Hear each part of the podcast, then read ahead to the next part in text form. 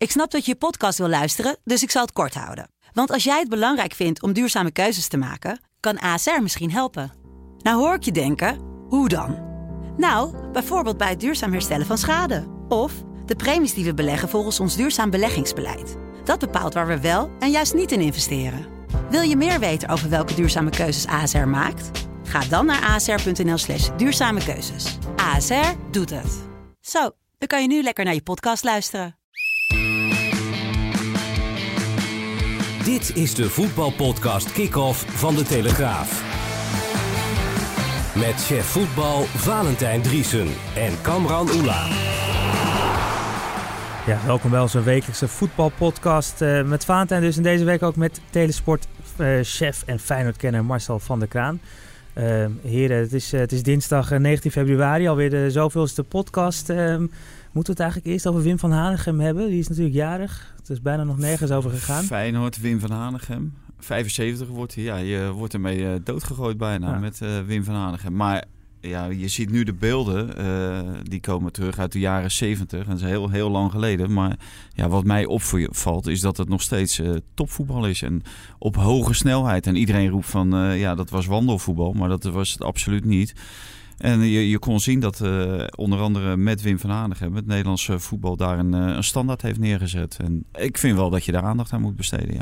Van Hanegem van toe zou hij mee kunnen in uitwedstrijden van nu eh, bij Feyenoord, Marcel?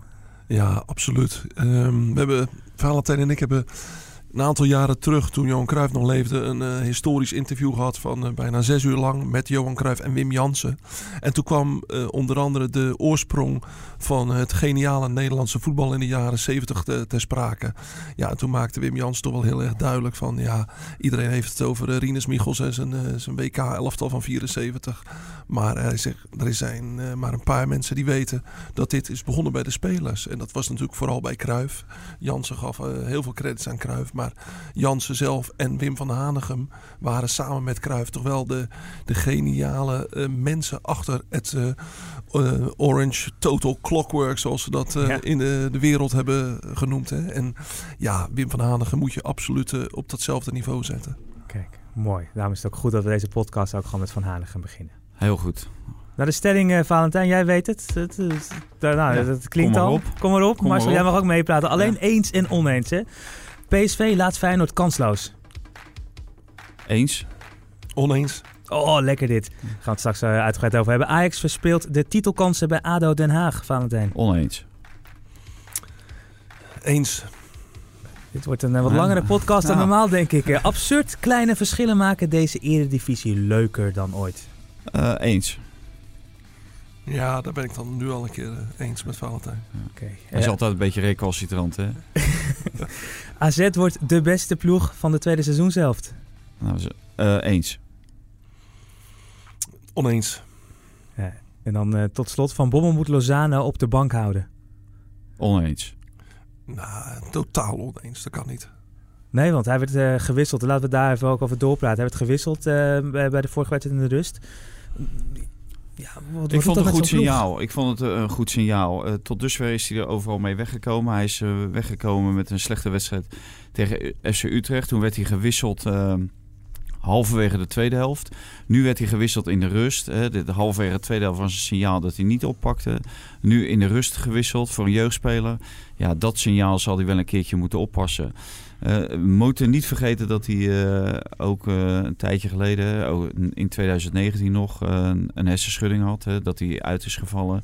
Dus hij komt wel van een, een, achterstand. Maar je mag wel verwachten dat ook iemand die van een achterstand komt, dat hij gewoon zijn taak uitvoert. En dat deed hij niet. En dat was duidelijk zichtbaar. Zelfs voor de leek was het zichtbaar. Ja, en dan moet je op een gegeven moment als trainer, moet je ook, om je geloofwaardigheid te bewaren naar de rest van je spelers, moet je gewoon een, een, een actie ondernemen. En het enige wat een trainer heeft om het te laten zien, ook aan de buitenwereld, is een wissel.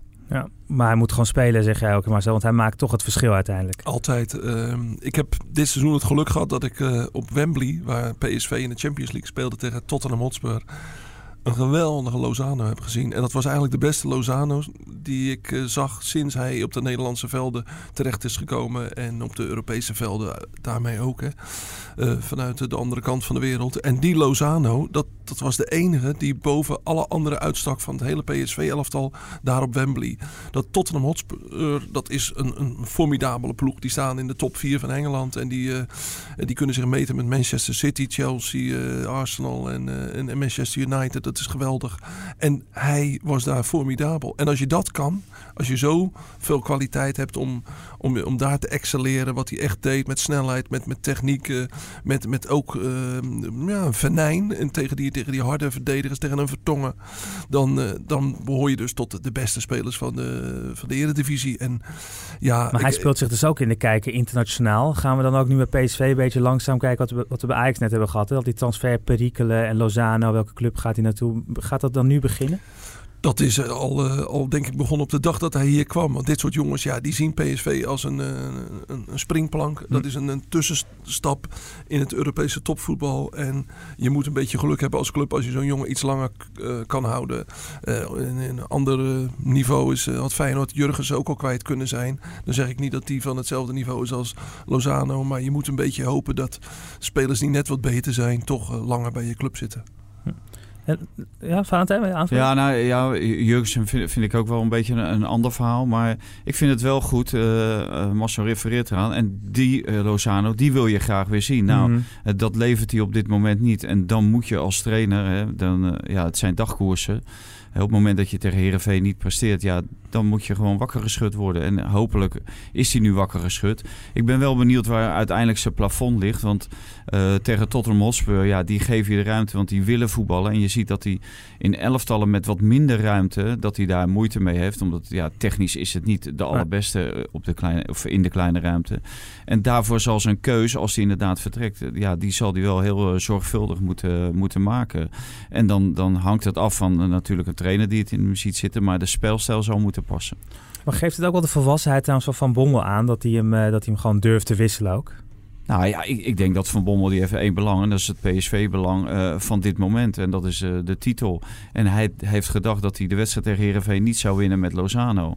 Eerder zou verliezen met Lozano. Hij is met 2-0 achter gekomen uh, tegen Herenveen met Lozano. En ja, hij had iets anders voor ogen. En ja, eh, Van Bommel is wat dat betreft is die, is die wel streed, moet je, moet je concluderen. Het meest interessante wordt een beetje wat hij straks doet als dat nog één of twee keer gebeurt. Hè? Want uh, krijgen we dan een, uh, het ettenbakje Lozano te zien? Of uh, is het de topsporter, de Lozano, die dat heel goed oppakt en die daar goed mee omgaat. En, en die PSV in één keer doorknalt naar de, naar de landstitel en, en weer naar de Champions League. En daar ook weer opnieuw wil zich laten zien of etaleren. En ja, dat vind ik wel een interessante periode. Want Valentijn heeft natuurlijk wel gelijk met... Uh, ja, je moet als coach wel uh, ingrijpen op, op het moment dat het uh, spaak loopt met je team door zo'n jongen. Hey, dat is ook het verschil bij Ajax bijvoorbeeld. Hè. Daar grijpt Ten Hag dus niet in richting dit soort spelers. Ja, en dan krijg je scheve verhoudingen in de kleedkamer. Helemaal als sommige van die spelers de grootverdieners zijn in, in je selectie. En uh, terecht of onterecht, dat leeft gewoon in kleedkamers, zoiets. En, en dat moet je voor zijn, hè? dat moet je niet laten dooretteren. En ik denk dat Van Mommel, uh, wat dat betreft, uh, ja, daarin zie je natuurlijk ook dat hij zelf in die kleedkamers heeft gezeten op topniveau. Hè? zowel Europees als bij het Nederlands elftal. Dus ja, die weet wel wat het vraagt om, om een kleedkamer in het gereel te houden. Nou, we gaan het zo ook over hebben over Ajax, hoe het daar eh, nu gaat. Maar eerst even over Feyenoord, want eh, PSV speelt dus tegen Feyenoord komend uh, weekend. Ja, hoe gaat Feyenoord zich opladen, Marcel, voor deze wedstrijd? Nou, dat moet uit hun tenen komen op dit moment, denk ik. Want uh, ja, die komen natuurlijk uit de meest dramatische wedstrijd die ze het hele seizoen gespeeld hebben. Hoe kan dat? Een paar weken geleden nog die 6-2 tegen Ajax en dan nu dit? Ja, ze hebben in de kleedkamer van Feyenoord de afgelopen dagen ook uh, daarover gesproken. Um, de jongens vragen uh, aan elkaar van waar kunnen we verbeteren. De trainers vragen het aan de spelers. de medische staf buigt zich over de, de, de, fitheid. Iedereen heeft elk detail eigenlijk al laten passeren om, om te ontdekken. Maar ze weten het eigenlijk zelf niet. Ik, ik heb toevallig een tijdje terug gevraagd hoe het nou, of, of recent nog gevraagd hoe het op de training er aan toe gaat. Dat kunnen we helaas niet altijd meer zien. Want net als bij veel clubs zijn ook bij Feyenoord de, die, die hekken gesloten. En ik heb best wel begrip dat je bepaalde tactische trainingen wil, wil doen zonder pottenkijkers. Maar ja, de, de trainingen die je nog wel mag zien, dat zijn een beetje de, de, de warming-ups en de, de simpele spelletjes. Maar dan wil je dus toch weten van, van spelers zelf. En dan vraag je dat op de man af. En nou, ja, een, een jongen als Robin van Persie, die misschien wel de beste graadmeter daarvoor is en de beste referenties heeft, die zegt ja de, de trainingen zijn niet slecht. En, en daarmee is hij niet eens heel voorzichtig. Mhm. Hij zegt, er wordt echt al vanaf het begin dat ik hier ben uh, geweldig getraind. En hij zegt, ik, uh, um, ik, ik zie dingen die ik ook bij, bij topclubs heb meegemaakt. Maar het moet uiteindelijk tijdens die 90 minuten gebeuren nou, En dat, en dat is voor hem natuurlijk ook de frustratie. Hè? Hij, je ziet hem af en toe met zijn hoofd naar beneden hangen. Hij, gelukkig heeft hij niet die, die body language die uh, bijvoorbeeld een, uh, een Tadic of een Ziyech wel eens kan hebben. Van, uh, als de bal niet komt. Maar hij probeert die ploeg altijd maar positief te houden. Wordt Mr. Positivo genoemd.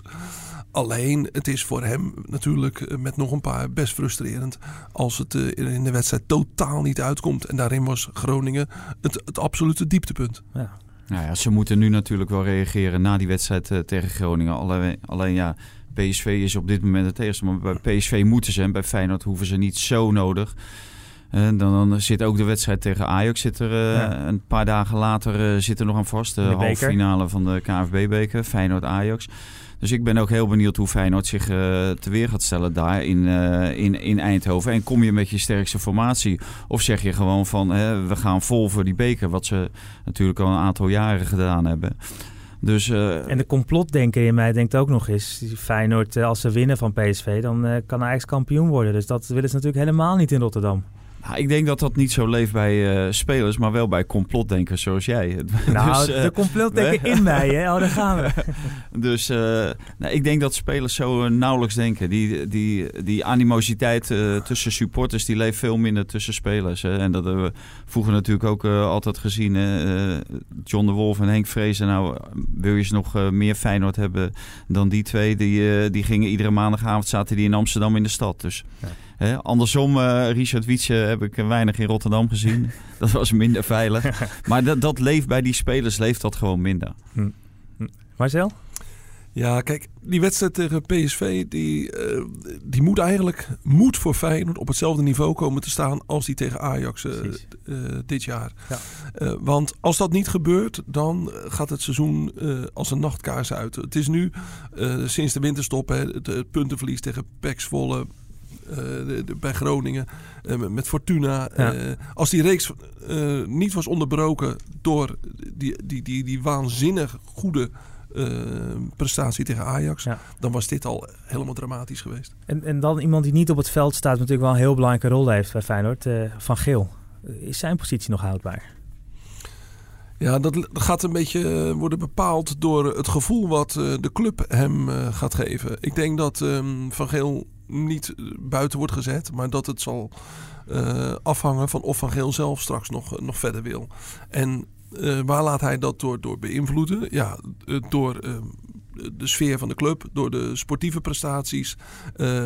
nu van, van Bronkhorst heeft hem eigenlijk niet geholpen door al zijn beslissing bekend te maken. Want uh, van Broncos kun je zeggen, ja, die is van de haak af. Die, uh, ja, die, iedereen weet dat hij weggaat. Dus nou, je, je merkt dat komt de kritiek bijna niet meer terecht. Dus dan is de eerstvolgende is de technisch directeur. Ja, dan heb je een, eh, een stel vrienden van Feyenoord die een financieel belang hebben in de club. En daardoor menen macht te hebben over het wel en wee van de directie. Uh, die maken het hem nu ook moeilijk. En nou, als de supporters het hem ook al een tijdje moeilijk maken. Ja, dan moet je gaan afvragen als technisch directeur haal ik hier nog voldoende plezier uit. Ja, nou ja, wat er wel opmerkelijk is, is dat hij is wel bezig geweest met Dick Advocaat. Om Dick Advocaat naar de, de Kuip te halen. Dus dan denk je van, hè, uh, en Martin Vergeel vind ik een hele verstandige technisch directeur. Niet iemand die uh, graag over zijn graf heen uh, zal willen regeren. Dus dan ga ik ervan uit dat hij, hij blijft als, als technisch directeur. En het, ik vind het mag eigenlijk niet zo zijn dat een paar vrienden van Feyenoord of een, een halve opstand bij de achterban, bij de supporters bepalen of Van Geel blijft ja of nee. Dan moet er gewoon een, een, een rekening, een plus- en een minrekening worden gemaakt van wat waren zijn verdiensten voor Feyenoord, wat heeft hij niet goed gedaan en dat tegen elkaar afzetten. En daar moet de Raad van Commissarissen naar kijken. En die moeten zich niet door emoties laten leiden van hm. Eh, een aantal onverlaten of mensen die toevallig een miljoen hebben gestoken in de, de gezondmaking. De miljoen wat ze gewoon terugkrijgen. Want het is gewoon met rente terugbetaald. het is gewoon een, een soort krediet wat er is verleend. Dus, dat zijn ja. krokodillentranen als daar nu... Ja, dat vind, dat vind ik wel, ja. Maar er wordt overdreven veel aandacht aan de, de macht tussen aanhalingstekens van de vrienden van Feyenoord geschonken die kunnen nooit het beleid van de club gaan bepalen. Want dat zou betekenen dat bij eh, elke transfer die er plaats heeft en waarvoor zij eh, misschien in de toekomst dan eh, een paar miljoen zouden neerleggen, dat zij recht hebben om te bepalen wie er TD wordt, wie er trainer wordt van Feyenoord, wie er weg moet, welke technisch directeur dan weer moet sneuvelen. Ja, als je dan je, lot in handen gaat leggen van die mensen, dan, dan is Feyenoord aan de goden overgeleverd. Nou, rond Van Geel valt net ook al de naam van advocaten. Die zou men willen halen als trainer van Feyenoord. Die plek staat nog vakant. Toch nog advocaat misschien? Ja, nou ja, die, de functie ligt nog open. Dus zolang blijft ik uh, in beeld, zolang die functie open ligt. En hij heeft natuurlijk zelf nee gezegd. Maar ja, in de wandelgangen hoor je wel dat hij misschien wel te snel een beslissing heeft uh, genomen. En dat de kans aanwezig is dat Feyenoord nog bij hem terugkomt. Alleen niet nu en niet over twee of drie weken. Maar dan moet je gewoon uh, denken aan uh, twee of drie maanden. En wil Feyenoord ook zo lang stil blijven zitten? Dat hangt er natuurlijk ook vanaf. En er wordt natuurlijk druk uitgeoefend. Ik hoorde ook de naam van Jaap Stam in de wandelgangen. Die, die schijnt er heel goed op te staan bij de, bij de vrienden van, van Feyenoord. Dus in feite uh, iemand die Ajax, bij Ajax heeft gevoetbald, bij PSV heeft gevoetbald. Uh, wel een uh, international, dus die heeft in diverse keukens gekeken. Maar of hij de man is voor, voor Feyenoord, ja, dat, dat moet, je, moet je afwachten. Maar zijn naam is in ieder geval gevallen. Ja, je moet je afvragen of ehm, Dick Advocaat nog wel gaat terugkomen op zijn beslissing. Ik denk dat hij vraagtekens heeft geplaatst bij het idee of, of Feyenoord ja, in deze vorm op dit moment bij hem past. Um, andersom kun je ook uh, stellen dat Feyenoord misschien uh, uh, gaat denken van... ja, we moeten in de tussentijd verder kijken en die gaan niet stilzitten. Het is bijna maart en je, je moet ook zorgen dat je de beste kandidaten nog binnen kunt halen... voordat die allemaal vergeven zijn of een andere club hebben. En als ik eh, van Geel was uh, of de directie van Feyenoord was, dan zou ik nu wel kijken naar de, naar de andere uh, mogelijkheden voor je club. En die, als die bij Jaap Stam liggen, dan moet je nu schakelen. Want ook Pek Zwolle zal straks verder willen met Jaap Stam. Ja.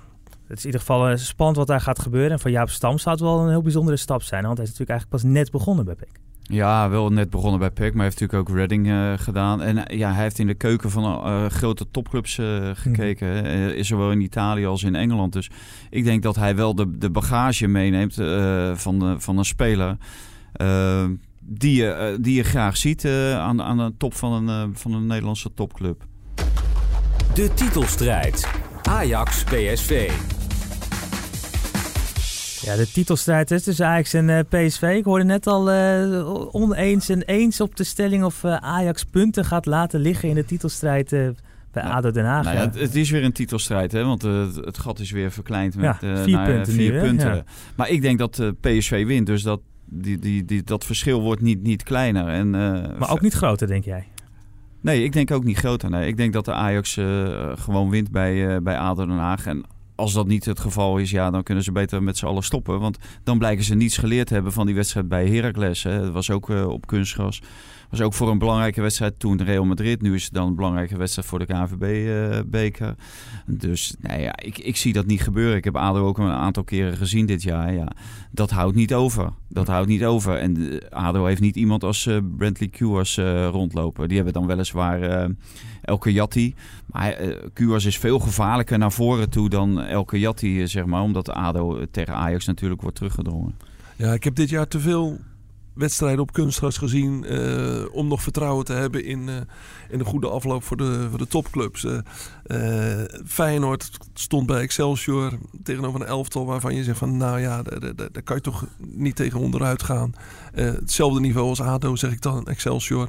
En met dat kunstgras en, en, en, en de, de instelling die Ajax in die mindere wedstrijden heeft getoond tussen de grote wedstrijden door voorzie ik weer problemen. Ja, en dus eigenlijk vooral de kunstgras niet door vorm, maar dat schijnt ook weer niet te bestaan. Hè? Dus het is geen vormcrisis, eh, toch? Ja, goed op de hoogte, ja. Ja, nee, uh, vorm bestaat niet uh, volgens Erik ten Hag, maar vorm bestaat wel hoor.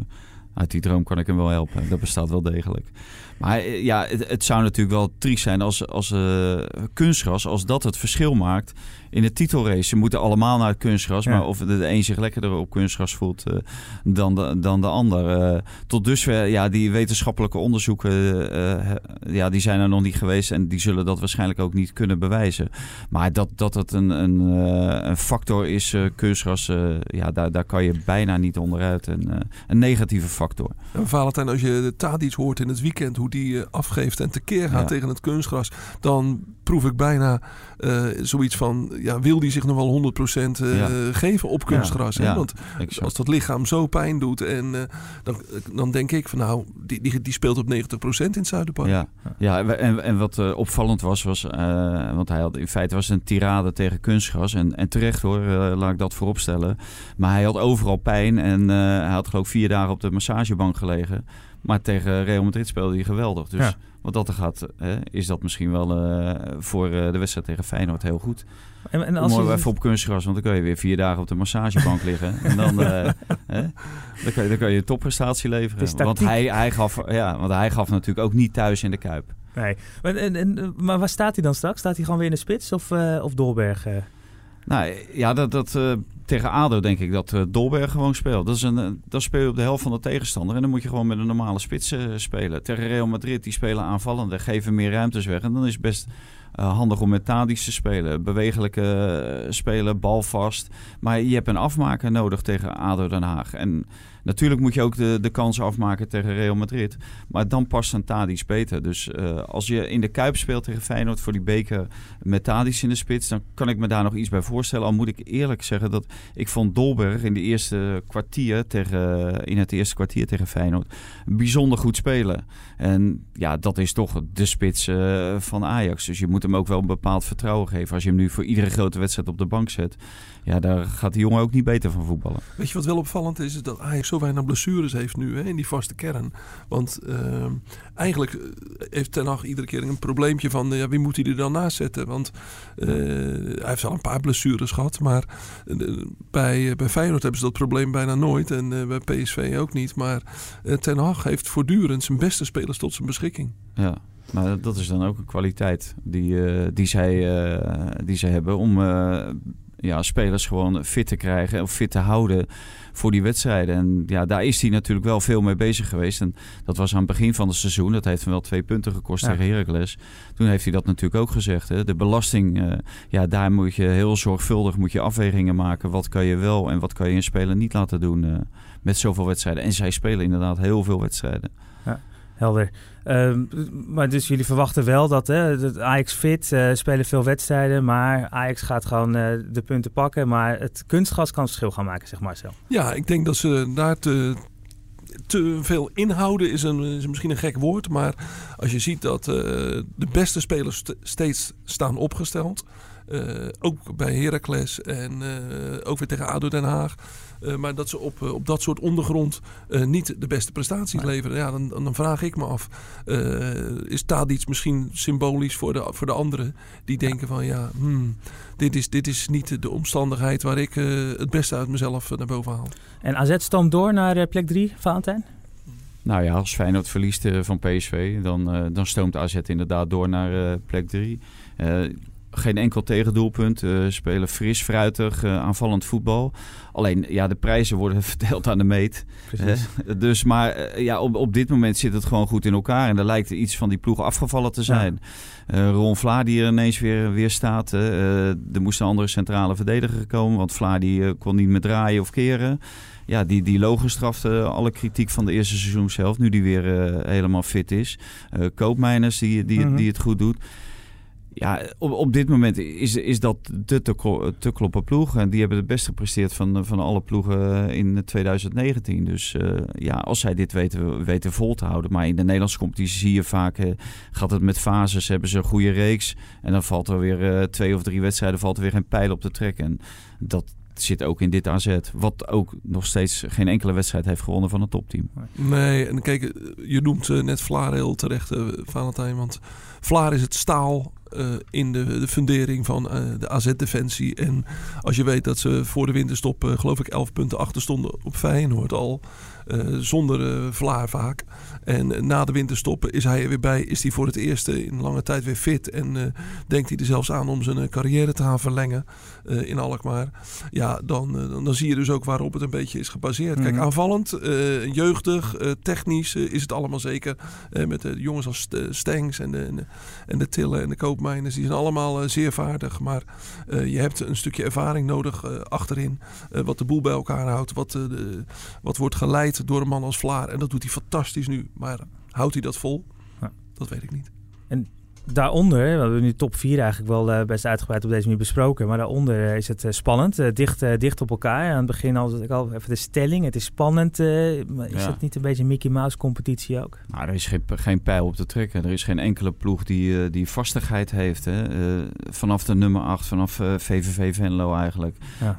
ze kunnen van alles, ze kunnen van iedereen winnen en ze kunnen van iedereen verliezen. En dat maakt het op zich maakt het interessant. Aan de andere kant moet je stellen van, wat zegt dat over de kwaliteit. En dat wil zeggen dat de kwaliteit inderdaad, jij noemt het dan uh, Mickey Mouse uh, competitie. Nou, vanaf plaats 8 is het wel een beetje een Mickey Mouse uh, competitie. Want het is natuurlijk allemaal leuk en aardig, dat spannende. Maar ja, daar zit je natuurlijk ook niet altijd op te wachten. Je zit ook op kwaliteit te wachten en dat krijg je niet. Je wordt vermaakt en uh, dat, dat is een ding wat zeker is. De competitie blijft spannend en je wil ook niet dat er uh, al twee ploegen uh, uit de ranglijst zijn gevallen die al geheid de eerste divisie in, in ja. moeten. Dus, dus dat maakt de, competitie wel leuk, maar kwalitatief mag, kan je vraagtekens er wel bij stellen. In Italië wordt een club die met 20-0 verliest, uit de competitie gezet. Hè? Dan, zeggen ze dat is een absolute schande. En nou chargeer ik natuurlijk een beetje. Maar als je in de Nederlandse competitie het aantal wedstrijden eventjes een uur gaat optellen. waarin uh, clubs al uh, zes of meer goals uh, om de oren hebben gekregen. Nou, dat zijn er best veel. Dat is in andere jaren nooit zoveel geweest. En Fortuna wint van Feyenoord in de Kuip. En vervolgens gaan ze naar Heracles, geloof ik, was het. Hè? Ja. En krijgen zes goals om de oren. ja, dan zit je je af te vragen, waar zitten we in godsnaam naar te kijken? wat is dit voor competitie? Wat hebben we voor uh, Pipo de Clown voetbal in, in de Eredivisie? Vraag het Valentijn. We hebben natuurlijk weer uh, opgeroepen om vragen aan jou te stellen, ja. Valentijn. En uh, we gaan oh. toch weer even terug naar, uh, naar Ajax. Ja. De vraag die binnenkwam via Twitter is: krijgen er mensen zweepslagen als er een positieve zin over Ten Hag wordt geschreven in de Telegraaf?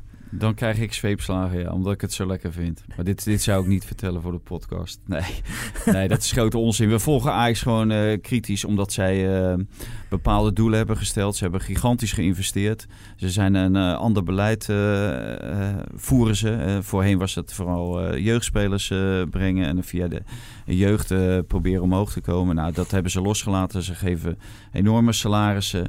En dat wordt gewoon kritisch gevolgd. En als je dan weet en hoort uh, hoe de verhoudingen zijn binnen de ploeg, uh, binnen de selectie, tussen de selectiespelers onderling, tussen de spelers en de trainers, uh, tussen de staf onderling. Ja, dan, dan wil je daar. dan wil je daar kont van doen. Dan wil je dat gewoon melden en dan wil je laten weten wat je, wat je daarvan vindt. En ja, dan vind ik dat eigenlijk heel triest. Ja. En daarom worden zij zo kritisch gevolgd. En uh, zonder dat het tot uh, iemand afranselen leidt. leidt. ja, weet je wat, uh, nog? Ja. ja. weet je wat natuurlijk heel opvallend is? Dat de situatie van de kleedkamer bij Ajax. En de kleedkamer staat natuurlijk symbool voor de sfeer, de onderlinge verhoudingen, de chemie in een groep tussen de speler en de trainers. tussen de spelers en de trainer. dat die bekend is in uh, de kleedkamer van andere voetbalclubs in de ja. divisie. En dan met name bij de topclubs, bij PSV, mm -hmm. bij Feyenoord, uh, bij AZ. Die weten allemaal precies. Ja. Dat, dat, horen wij. Hè. wij zijn, we hebben verslaggevers met uh, de Telegraaf die bij al die clubs elke week zitten. en meerdere dagen per week. We, we, horen en we weten precies wat zij weten van de kleedkamer van Ajax. Nou, dat geeft al aan dat er dus over wordt gesproken. Die, die spelers weten gewoon ja. dat het niet helemaal goed zit tussen die trainer en die spelers. En daar wordt dan natuurlijk ook gewoon gebruik van gemaakt. Hoe meer je weet, hoe beter het is. Ja, daarom. Ja, logisch. Kennis is macht. Marcel en uh, Valentijn zitten weer op voor deze week. Dank jullie wel, mannen.